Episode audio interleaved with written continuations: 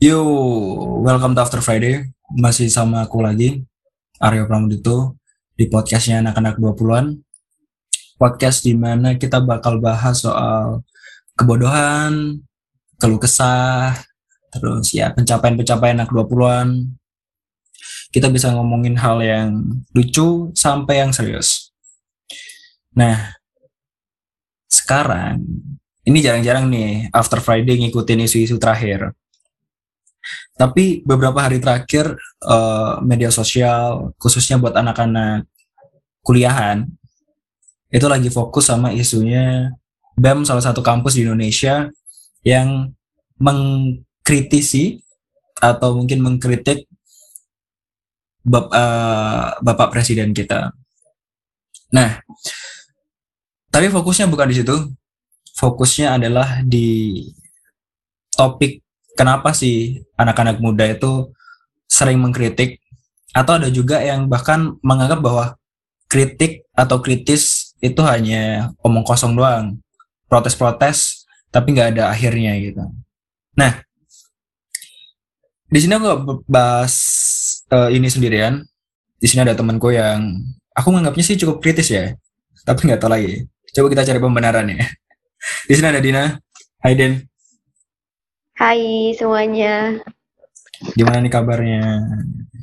Baik. Wow. Tiba-tiba tanya kabar. Yang pertama nggak ada kabar tuh. Oke. Okay. Karena Dina salah satu bintang tamu asik. Pertama pertama kali jadi bintang tamu maksudnya. Pertama kali jadi bintang tamu di podcast After Friday. Kenalin dong. Kamu tuh siapa, Din? Oke, um, siapalah aku ya. By the way, kenalin semuanya, uh, semua pendengar After Friday-nya Aryo Pramudito. Aku Dina, Dina Luban Tobing.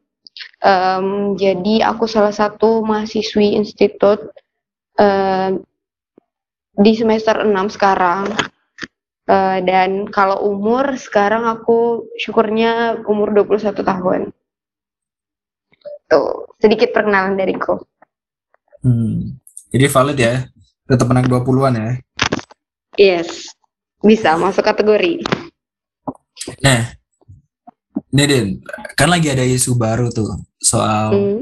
kritikan anak-anak mahasiswa universitas yang katanya terbaik se-Indonesia. Oh. Ya. Kamu sendiri tahu nggak soal soal berita itu?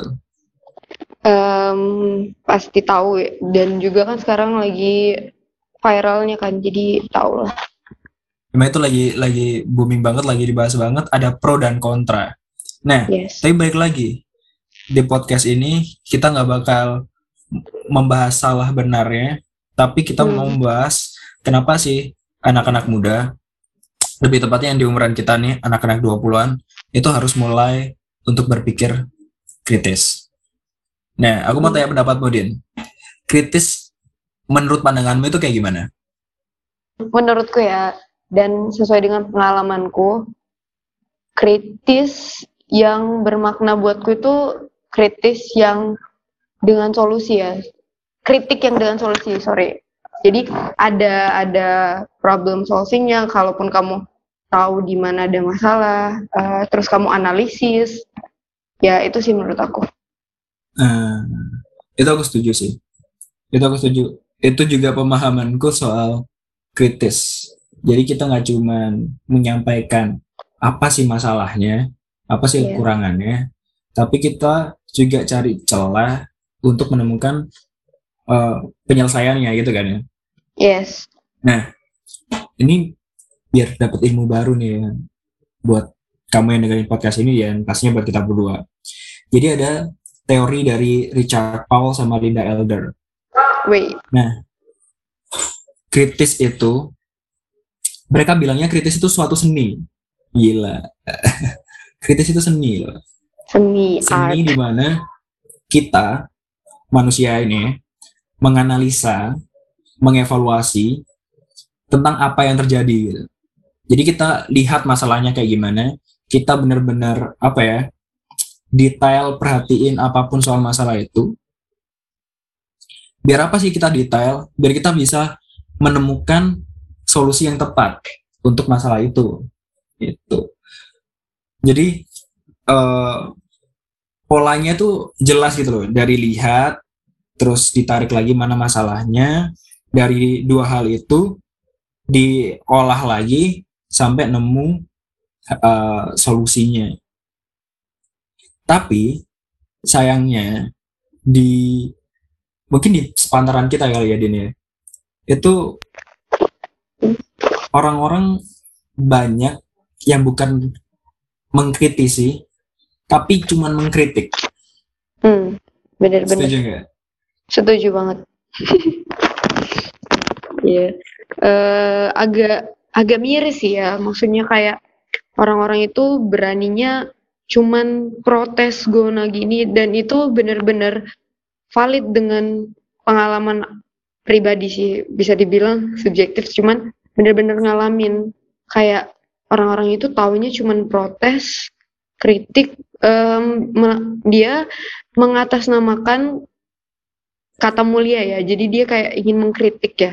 Tapi kalau yang aku rasa itu cuman protes-protes ego nggak penting entah entah hanya dia cari panggung atau entah hanya dia uh, mau mau memperlihatkan kalau aku ini juga bisa berpikir kritis atau apa. Tapi ya nggak tahu tujuannya apa cuman yang hasilnya itu ya cuman menjatuhkan aja. Jadi kadang pun kalau kita mau kritis ya eh aku kayak jadi curcol ya.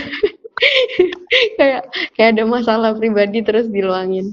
Silahkan silahkan waktu, waktu di sini sangat sangat diluangkan untuk untuk sih bukan bukan maksudnya uh, mungkin ini bisa jadi cara pandang orang ya uh, menambah menambah sudut pandang lah untuk orang-orang.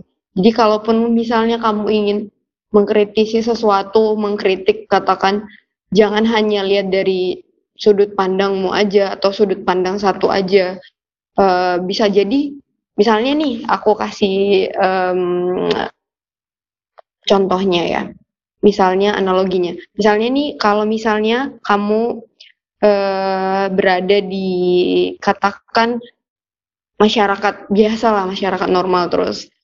Kamu mengkritik tapi kamu hanya lihat dari sudut pandangmu aja nggak kayak kamu lihat dulu di atas itu di pemerintahan kotamu itu kenapa mereka bisa mengeluarkan suatu kebijakan yang kamu kritikkan coba coba uh, lihat dari sudut pandang mereka ketahui benar-benar analisis gitu. Jangan hanya gini aku mau gini mau gini mau gini mau gini Nah, kamu nggak tahu kan keadaan di atas sana itu bagaimana sampai mereka mengeluarkan kebijakan seperti itu.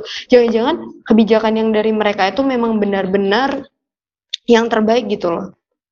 Tanpa kamu tahu sebenarnya ada masalah yang mereka hadapin yang mengharuskan itu untuk mengeluarkan kebijakan yang kamu kritiki. Jadi kalau menurut aku coba lihat dari sudut pandang lain juga sih. Jangan jangan hanya sudut pandangmu yang kamu dewakan. Itu sih.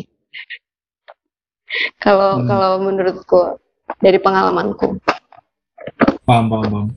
Karena paham, kadang kita nggak sadar bahwa apa yang kita kritik ya, hmm. itu ya yang berhubungan sama kita doang. Yes. Intinya kita lihat mikronya nih, mikronya keputusan ini apa pun ya pemerintahan, kampus, pekerjaan, intinya keputusan ini tidak menguntungkan aku, gitu. Hmm. Jadi aku merasa bahwa oh ini perlu dikritik nih, ini salah nih. Padahal kalau kita lihat secara makro, mungkin masyarakat luas atau mungkin teman-teman kita yang jauh lebih banyak gitu ya, itu ternyata keputusan itu menguntungkan, ya kan? Iya, benar. Jadi emang emang kita harus bisa melihat dari sudut pandang yang yang mungkin lebih jauh dengan dengan mata yang mungkin lebih luas gitu ya lihatnya itu benar sih tapi bukan berarti kritik itu nggak baik ya maksudnya kayak uh, jadinya kalian berhenti untuk mengkritik mengkritisi sesuatu bukan itu maksudnya tapi lebih apa ya lebih matang lagi mungkin dalam hmm, berkritik hmm. karena gampang gitu sih untuk membedakan mana yang benar dan mana yang mungkin tidak dianjurkan ya. aku nggak akan bikin aku nggak akan bilang salah, tapi aku bilang bahwa mungkin kamu bisa melakukan hal yang lebih baik gitu. Kritik kalau kamu punya solusinya, kalau kamu punya alasan yang jelas, kalau kamu punya apa nih dasar gitu, entah itu bentuknya data atau apa pun, itu bakal bisa jadi bentuk dari kritis. Itu adalah hal yang baik. Tapi kalau kritik doang nih, untuk mencari kesalahan, untuk membuat suatu lembaga, institusi atau perorangan jadi uh, lebih rendah daripada kamu, itu jadinya ya benar-benar cuman kritik dan protes. Dan gak bakal ada tindak lanjutnya yang pasti. Bener-bener critical thinking. Tapi uh, by the way, critical thinking ini ya, um, itu tuh belakangan aku tahu dari SD itu sekolah dasar ya udah ditanamkan. Jadi um, oh ya? Itu iya, jadi aku, aku aku kan ada pengalaman ya um, mengajar. Jadi bekerja sama-sama guru mengajar sekolah dasar, suatu sekolah dasar Uh, nah di sana itu aku sempat diminta bantu untuk buat uh, rancangan pembelajaran RPP kan. Nah di situ tuh uh, bakalan ada kayak silabusnya dan segala macam. Terus ada ada kayak pembagian-pembagiannya lah. Nah dan itu tuh udah ada bab-babnya. Terus setiap bab itu itu tuh di di dicantumin mau ngapain aja anak ini terus rundown itu apa nah setiap pembelajaran itu jadi kayak ada bagian-bagiannya. Misalnya kayak um, kita anak-anak disuruh supaya um, mendengarkan cerita. Lalu ceritanya itu mungkin ada problemnya dan segala macam yang yang memang harus mereka temukan problem solutionnya kan. Nah uh, Habis itu untuk dapat respon dari anak-anak, mereka itu diminta untuk kira ditanyakan lah kira-kira apa yang baik uh, untuk dilakukan dalam cerita ini untuk menghadapi masalahnya itulah. Nah di situ memang tujuannya untuk critical thinking mereka. Jadi dari kecil itu tuh dari sekolah dasar katakan ya, memang udah ditanamkan untuk critical thinking uh, kritis itu ya bagaimana kamu kritis terhadap peka, peka terhadap sekitar, terhadap masalah, tapi juga bukan hanya peka doang kayak kayak kamu tahu itu masalah, tapi ya udah stuck di sana. Tapi memang pada akhirnya tujuannya itu nemuin solusi bagaimana memperbaiki, bagaimana uh, agar mungkin katakan memperbaiki sesuatu atau solusinya bagaimana. Jadi itu itu yang memang ditanamkan sejak dini di sekolah dasar. Uh, serius banget aku bahasnya. Ya, ya, enggak. Ini kayaknya bakal lebih menarik karena mungkin kita bakal lebih banyak bahas apa sih contoh yang nyata kali ya. Iya, yes. iya mungkin nah, analog. Berdasarkan ceritamu, aku langsung merasa kayak tahun-tahun kita nih agak terlambat kali ya. Agak cukup menyesal kenapa kok kita nggak diajarin yang namanya critical thinking dari hmm. sejak dini ya atau SD yes. lah atau apa apalah itu. Ya karena gini waktu kita dulu waktu masih ya sekolah dasar gitu kita diajarkan untuk mengikuti apa yang sudah ada. Hmm. kita tidak dibiarkan untuk memilih mana yang menurut kita baik atau mana yang menurut kita salah gitu kan. Yes. Jadi semua benar-benar dari disediakan. Akhirnya kita tidak terbiasa untuk berpikir uh, menemukan mana nih yang lebih menguntungkan mana nih yang enggak gitu. Mana nih yang uh, ternyata lebih banyak uh, resikonya ketimbang uh, yang menguntungkan buat kita gitu kan. Jadinya ini memang nggak nggak general ya, ini nggak general. Cuman sayangnya di 2021 di mana semuanya udah udah lebih maju gitu, masih ada orang-orang yang nggak berpikir kritis atas apa pun. Hmm. Benar-benar nih contoh Dina dari depanku nih aku kasih dia uh, burger gitu tapi dalamnya ternyata daging yang dari jamur gitu contohnya aku kasih ke dia hmm. analoginya adalah Dina cuma tinggal makan aja udah enak nggak enak eh, atau ternyata Dina alergi sama jamur atau sebagainya dia nggak peduli itu yang intinya dimakan Iya. dulu. jadi itu analogi kayak informasi apa pun yang ada sekarang apa pun yang dikasih ke anak-anak sekarang udah diterima aja gitu Ditelan Tanpa- aja emang. Nah, benar-benar ditelan aja semuanya. Diproses tanpa penyaringan, gitu. Semuanya. Gak ada tuh pemikiran kayak ini isinya apa ya? Ini terbuat dari apa ya? Ini sehat nggak sih Hmm. buat aku? Oh, kan aku ada masalah alergi jamur. Kalau ini ternyata ada jamurnya gimana dan sebagainya. Inti intinya eh, anak-anak sepantaran kita masih menganggap bahwa mempertanyakan sesuatu hal itu bukan sesuatu yang apa ya wajar kali ya mereka masih menganggap Hmm. bahwa ah ngapain sih cari susah udahlah terima aja gitu Iya, bener. di saat eh, titik itu ya titik berpikir kritis aku merasa akhirnya sifat skeptis itu sebuah keuntungan ya kan? Aryo banget. Nah, eh, ya skeptical person ya atau teman-teman yang mungkin skeptis juga pasti kan sering mempertanyakan hal-hal yang eh, dari yang nggak penting sampai yang penting dan memandang rendah apa pun. Sedikit apa ya? Sedikit mengarah ke egois. Duh, tapi tapi baik. egois ya. Oke, kita Iya, iya. benarkan nih. Contoh Iya, nih. Ada ketua kelas baru. Si ketua kelas bakal menjanjikan eh, setiap anak dapat giliran piket.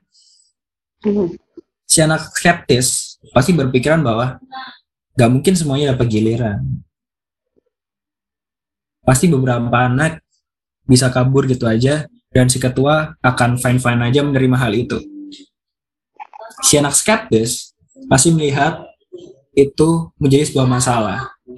Bisa jadi si anak skeptis menyusun rencananya sendiri untuk mencegah anak-anak yang nggak piket itu nggak menjalankan tanggung jawabnya gitu. hmm. Jadi si anak skeptis akan selalu merasa bahwa akan ada kesalahan nih atas segala hal gitu. Atas segala keputusan akan ada celah yang jadi kekurangan di situ. Hmm. Mungkin itu yang yang kurang kali ya dari anak zaman sekarang. Hmm. Menurutku sih gitu ya. Karena mungkin karena bukan karena kita nggak mau, tapi kita nggak terbiasa untuk berpikir kritis.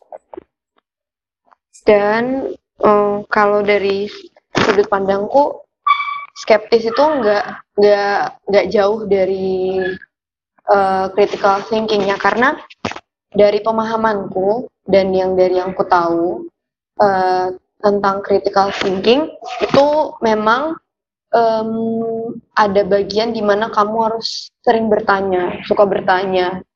Eh, jadi kayak apa-apa itu dipertanyakan. Bahkan ya kadang anehnya em, orang-orang yang seperti itu di di sekarang ini di masa ini tuh tuh sering dianggap weird gitu loh kayak apaan sih nih nanya aja gini gini segala macam. Padahal bisa jadi orang yang kayak dia itu sebenarnya eh, yang mikir gitu loh, yang kayak "Eh, kalau gini gini, kalau gini gini, kalau gini gini. Dia udah antisipasi dari awal sebelum nantinya menyesal gitu. Eh, tiba-tiba dia gini, nggak mikir dari awal, nggak mikir dari awal. Jadi malah ternyata eh, dia itu yang kayak oh ternyata dia dia yang lebih better lah dari aku berpikirnya gitu. Aku nggak bilang bodoh ya, nggak mengarah bilang bodoh, tapi kayak eh, yang orang-orang seperti itu yang dibutuhin sebenarnya itu sih yang yang suka bertanya tapi kalau suka bertanya bukan berarti nggak mau mendengarkan ya ya kalau dia bertanya mau mendengarkan lah menurutku Ya porsinya seimbang lah. Mau bicara, mau juga mendengarkan. Gitu. iya Tapi benar bagian itu itu yang paling apa ya? Paling kerasa kayak ya di kita ya. Di mana Hmm, banyak orang-orang yang kritis bukan mengkritik doang ya, tapi kritis. Dia menyampaikan adanya masalah nih di sini, dia menyampaikan juga solusinya, tapi dianggap sebagian besar orang uh, mayoritas di tempat itu, ih ini orang nyemeng banget kali ya, bacot hmm. banget gitu. Hmm. Tapi tanpa sadar, gak ada orang-orang yang kayak gitu. Kita nggak akan bisa melihat apa ya sudut pandang lain dari suatu hal gitu loh ya kan yes. jadi kita di kelas pun sebagian besar pasti ada dosen ngasih apa ngasih apa materi dan sebagainya kita pasti iya iya doang kan. Ditanyain hmm. ada yang mau tanya atau enggak aja? Enggak pak. Sudah cukup. Ya benar. Sudah cukup. Iya iya iya. Dan uh, mungkin terkesan aku menceritakan pribadi uh, masalah pribadi tapi kayak memang uh, dirasakan. Jadi uh, aku pernah merasakan gimana yang kayak udah mencoba untuk berpikir secara kritis lah kayak menanggapi suatu masalah dan um, tujuannya itu ya solusi solusi itu kan banyak ada the win-win solution, ada win-lose solution, banyak lah kategorinya. Nah, benar-benar kayak berpikir kalau misalnya begini bagaimana, begini bagaimana, tapi ujung-ujungnya karena memang ya dasarnya ya eh, kita yang tahu menempatkan diri kita di mana. Jadi karena aku berada di lingkungan yang tidak bisa menerima pola pikirku, bakal kalah dengan dengan banyaknya orang-orang yang sepakat dan sepaham kalau aku yang salah. Uh, jadi mereka yang berpikir kalau mereka yang aku yang salah tanpa memikirkan sebenarnya kita berada di sini ini entah pun kan setiap orang itu kan pola pikirnya berbeda-beda. Jadi kayak kalaupun kita kumpul ya kita harus tahu kumpul di sana itu buat apa. Jadi kalau memang untuk untuk memecahkan suatu masalah ya udah memecahkan suatu masalah jangan ada unsur lain yang kayak ah dia emang nggak nggak nggak sepemi nggak nggak se circle kita atau dia enggak nggak temen-temen asiknya kita jadi kayak menurutku ya orang-orang yang kayak gitu tuh yang harus paham yang namanya bersikap kritis itu bagaimana itu sih mungkin Aryo juga merasakan ini aku diam aja sambil merenung nih si kampret Dina paham sekali perasaannya ya Perasaan apa? Enggak, enggak jadi. Nanti judgement diri sendiri lah gitu. ya. Tapi berarti apa-apa. Kenapa? Yang jadi masalah adalah bukan orang tidak mau berpikir kritis, eh maksudnya orang nggak mau berpikir kritis, tapi hmm. orang masih melihat berpikir kritis itu mengganggu. Yes, benar agak menyesalkan ya. agak miris ya nggak sih kayak hey gitu loh. Kayak come on, karena gini mungkin ya. Karena yang aku rasa uh, critical thinking itu harus disertai juga sama pikiran terbuka ya. Jadi kayak kita itu harus terbuka sama hal-hal yang mungkin udah berkembang di luar sana atau yang mungkin mau nggak mau kita hadapin atau mungkin yang bahkan kemungkinan terkecil pun yang kita nggak tahu bakal terjadi gitu loh. Jadi kayak kita harus sudah mau terbuka untuk berpikir itu sih. Nah, um, lucunya di lingkungan uh, ku dan mungkin lingkunganmu itu banyak orang yang kayak masih ah aman-aman aja kok atau ah mungkin dia yang lebay gitu mikirinnya dia yang terlalu overthinking lah bilangnya apa segala macam tapi tapi itu yang buat dia jadi stuck di sana doang. Jadi kayak kamu nggak berkembang kamu jadi bakal gitu-gitu aja. Itu sih. Oh my god terima kasih sudah menyediakan wadahku untuk saya kasih like seribu itu benar benar benar benar benar benar benar kadang gini deh uh, orang-orang kan berpikir bahwa orang-orang yang kritis itu orang-orang yang mengganggu. Padahal orang-orang yang berpikir kritis itu mereka jauh memikirkan ke depan kan. Mereka melihat apa yang ada sekarang dan melihat ke depannya nih bakal jadi masalah apa enggak nih? Bakal ada halangan selanjutnya enggak nih? Mereka berusaha untuk memikirkan kemungkinan A, B, C, D, E sampai Z gitu. Sedangkan orang-orang yang cuma terima-terima aja ya dapatnya A, ya A. Mereka nggak akan mempersiapkan rencana-rencana lain. Karena mereka nggak pernah mempertanyakan soal adanya. Mungkin halangan-halangan lain gitu. Iya benar. Aku setuju banget sama pernyataanmu yang ketika kamu nggak bisa nerima uh, kritis atau pemikiran kritis dari orang lain, percaya deh kamu pasti akan stuck di situ-situ aja gitu. Kita mungkin skala kecil kita bisa ngomongin perorangan, tapi skala besar kita bisa ngomongin organisasi, kita bisa ngomongin institusi, kita bisa ngomongin soal negara. Di mana ini juga akhirnya berhubungan dengan kenapa sih anak-anak muda itu harus mulai berpikir kritis buat apa sih? Gitu kan sebenarnya. Oke. Jadi menurutku kenapa kok anak-anak sepantaran kita mesti mulai untuk berpikir kritis? Karena menurutku kita itu calon-calon ya ini mungkin basi banget kali ya. Udah berapa kali kita dengar setiap upacara kali ya. Kita adalah uh, penerus pemimpin bangsa gitu tapi nggak bisa denial. Ya faktanya memang anak-anak yang sepantaran kita ini yang nantinya akan akan yang lanjutin gitu. Soal pemerintahan ekonomi dan sebagainya. Itu intinya ini bakal kita.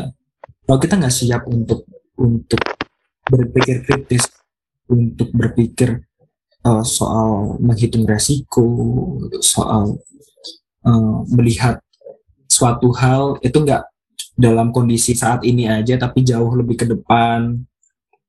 Hmm. itu sih. Kalau kita sekarang aja nggak bisa berpikir kritis. Kita nggak bisa mempertanyakan hal-hal yang salah atau yang kurang gitu. Gimana negara kita yang kita tinggalin ini bisa jadi lebih baik? Kalau yeah, apa pun dikasih sama entah sama siapa pun ya ntar dipikir konspirasi lagi. Siapa apa pun yang dikasih sama mereka ke kita kita cuman iya iya iya doang. Kita nggak mau mempertanyakan. Kita nggak mencari uh, validasi dari mana pun. Ya beneran kita bakal stuck di sini-sini aja. Kita nggak akan bisa jadi siapa pun yang mungkin jauh gitu ya dari harapan kita sekarang gitu sih. Itu saya menurutku alasan kenapa kok penting banget gitu anak-anak harus mulai berpikir kritis. Atau setidaknya menerima pemikiran yang kritis. Hmm. Menurut kamu gimana? Hmm, ya, ya kalau menurut aku kan tadi udah aku bilang juga kayak critical thinking itu uh, pada masa sekarang aku rasa sedang sedang mencoba berkembang. Jadi walaupun yang aku pribadi alamin uh, di di beberapa lingkungan itu masih such a weird weird lah kayak itu kayak aneh banget dan belum bisa diterima beberapa lingkungan. Jadi kayak hmm, berharap bisa berkembang dan menuju uh, ke hal yang baik karena critical thinking yang kalau di benar-benar dipraktekkan secara baik ya itu hasilnya pasti juga aku yakin baik. Tapi kalau misalnya cuma kritik yang kosong yang kayak tadi awal kita bicarain tanpa tanpa ada solusi, ya ya itu yang mem bisa membunuh.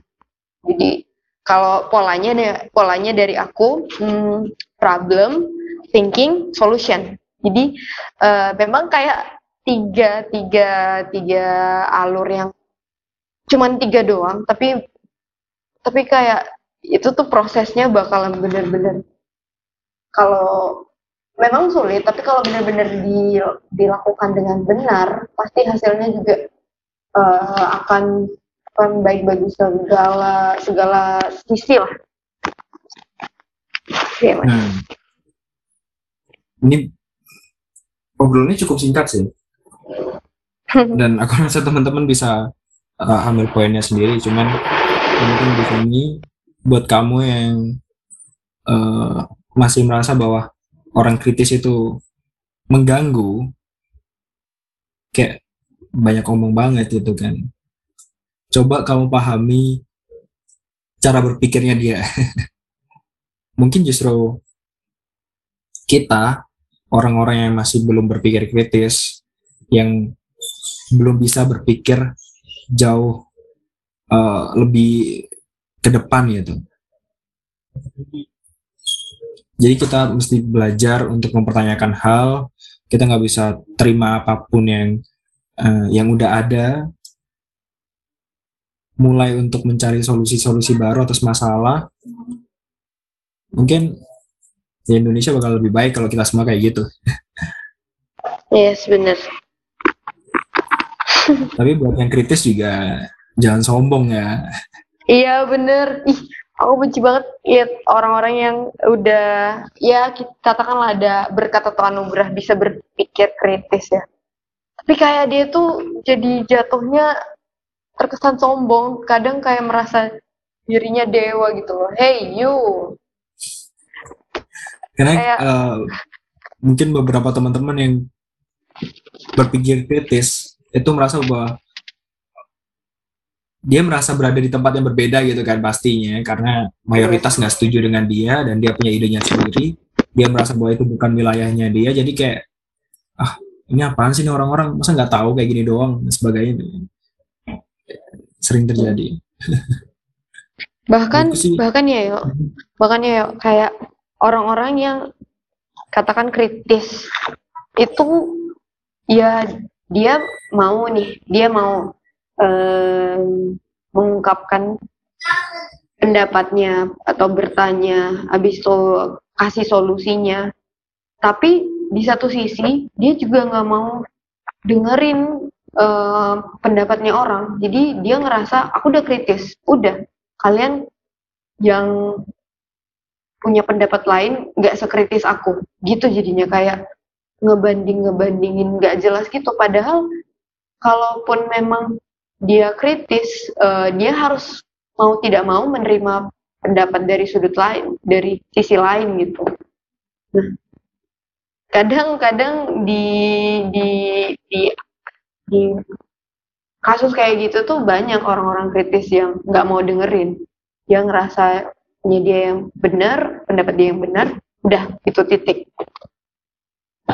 Kalau kayak gitu bisa dibilang kritis gak ya? Kalau menurut nah, ini mari kita buka kunci. Sekalian penutupan ya kan? Oh iya.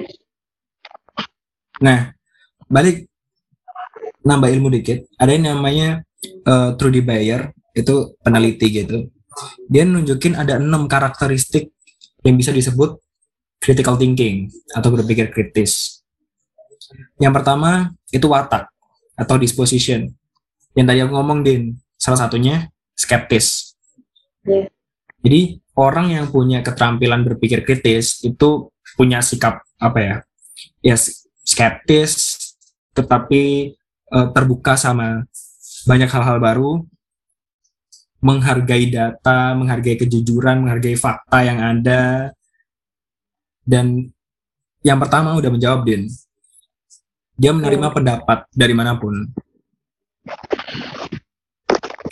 Kalau orang tadi kan kita bahas orang yang tadi yang nggak bisa menerima pendapat orang lain dan dia merasa bahwa uh, apa ya solusi yang dia tawarkan itu yang paling baik dan paling benar aku rasa itu udah bukan bukan apa ya udah nggak masuk karakternya kan Iya, yeah, udah bukan kategorinya lagi kritis. Karena kritis itu harus bisa menerima pandangan orang lain juga. Hmm. Nah, Karakter kedua itu adanya kriteria. Maksud kriteria ini apa nih? Kriteria itu pedoman yang kita pakai, kita pegang. Orang kritis itu ngomongnya bukan ngomong kosong. Mereka lihat data, mereka ada yang dipegang nih. Entah itu pengalaman masa lalu kayak atau memang uh, informasi paling baru, fakta-fakta baru yang tentunya uh, valid dan kredibel gitu ya itu harus dipunyai untuk orang-orang yang berpikir kritis. Nah, Karakter yang ketiga itu argumen.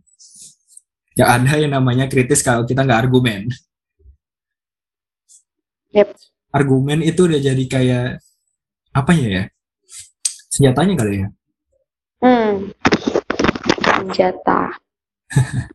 Argumen itu senjata berpikir kritis.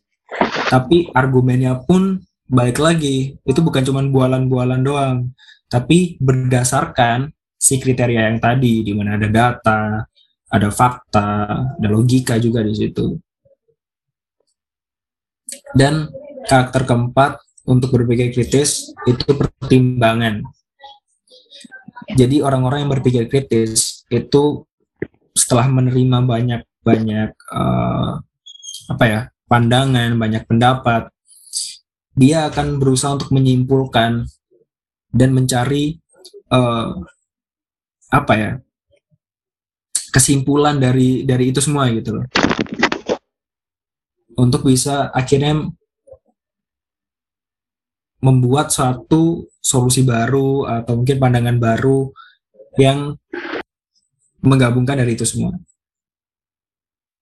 Nah, karakter yang kelima itu tadi kita udah bahas di pertama, sudut pandang. Jadi orang yang berpikir kritis pasti punya sudut pandang yang luas. Dia nggak nggak mungkin lihat dari sisinya dia doang. Karena kalau dia dari sisinya dia doang, jadinya bias kan. Apa yang benar aja buat kita. Gitu. Yep. Jadi ya nggak bisa dijadikan. Jatuhnya asumsi nggak sih? Bener. Bukan solusi. Iya. Nah, terus karakter yang terakhir itu uh, prosedur dari penerapannya. Itu agak kompleks sih kalau kita ngomongin soal prosedurnya. Jadi kita kayak ini urutan si prosedur eh, prosedur ini mulai dari ngerumusin masalahnya, nentuin keputusan yang diambil, sampai kita ngidentifikasi perkiraan-perkiraan. Yang tadi kita ngelihat ke masa depan apa nih yang mungkin terjadi resiko apa nih yang mungkin uh, bakal kita terima kalau kita ngambil keputusan ini. Kayak gitu. Jadi ada enam karakteristik dalam berpikir kritis Nah. tuh Nah, nah, nah, dari keenamnya itu, apakah kamu sudah masuk ke kategori critical thinking, kritis dalam berpikir? biar Tuhan dan Silakan. saya yang tahu lah ya Saya akan nilai diri kamu semua pendengarnya Aryo masing-masing. benar-benar buat kamu yang mungkin uh, merasa diri paling kritis nih dalam satu geng perumahan Eh, bahasanya sekarang gak geng, yo, bahasanya circle. apa, apa oh circle. Circle. siap. Semua dilingkar-lingkarin sekarang. coba deh dari enam karakter tadi yang memenuhi yang mana? Kalau dari satu aja enggak nggak bisa terbuka atas pandangan orang lain nggak bisa nerima pendapat orang lain. Coba banyak berdoa ya Coba Minta lagi Tuhan dong, jangan digituin. Coba lagi Dikasih. gitu. berkat untuk bisa berpikir kritis Eh kamu kamu jahat di satu sisi, kamu suruh mereka berpikir kritis, tapi kayak jahatin mereka yang pengen berusaha berpikir kritis. Nah.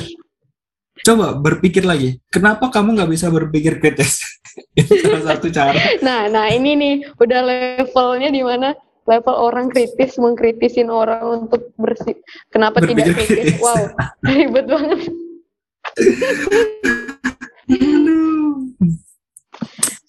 ya itu sih tapi gini eh, kita berdua balik lagi kita berdua bukan bukan eh, eh, orang yang kritis-kritis banget yang ahli dalam hal berpikir kritis kita juga bukan orang yang mengerti banget gitu jadi aku rasa teman-teman pasti bisa cari referensi lain yang lebih bisa divalidasi ya.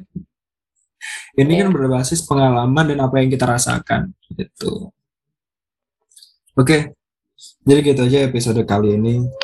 Eh, mungkin agak sedikit random dari dari eh, poin-poinnya tapi aku yakin kamu udah yang dengerin podcast ini pasti terbiasa dengan cara bicara aku yang nggak lompat-lompat, oke?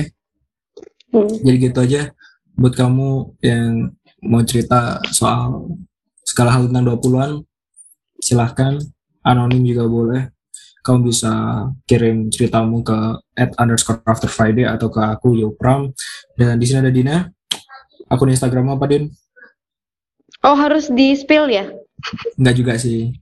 Kan biasanya kan Oh. kayak gitu tuh kalau collabs collabs kan. Oh biasanya gitu ya. Eh, at Dina Tobing. Tapi kayaknya aku apa deh? Kayaknya aku private deh. Oke. Jadi gitu aja. See you on the next after Friday. Thank you, Din. Thank you, bye. Selamat malam. Bye. Ciao.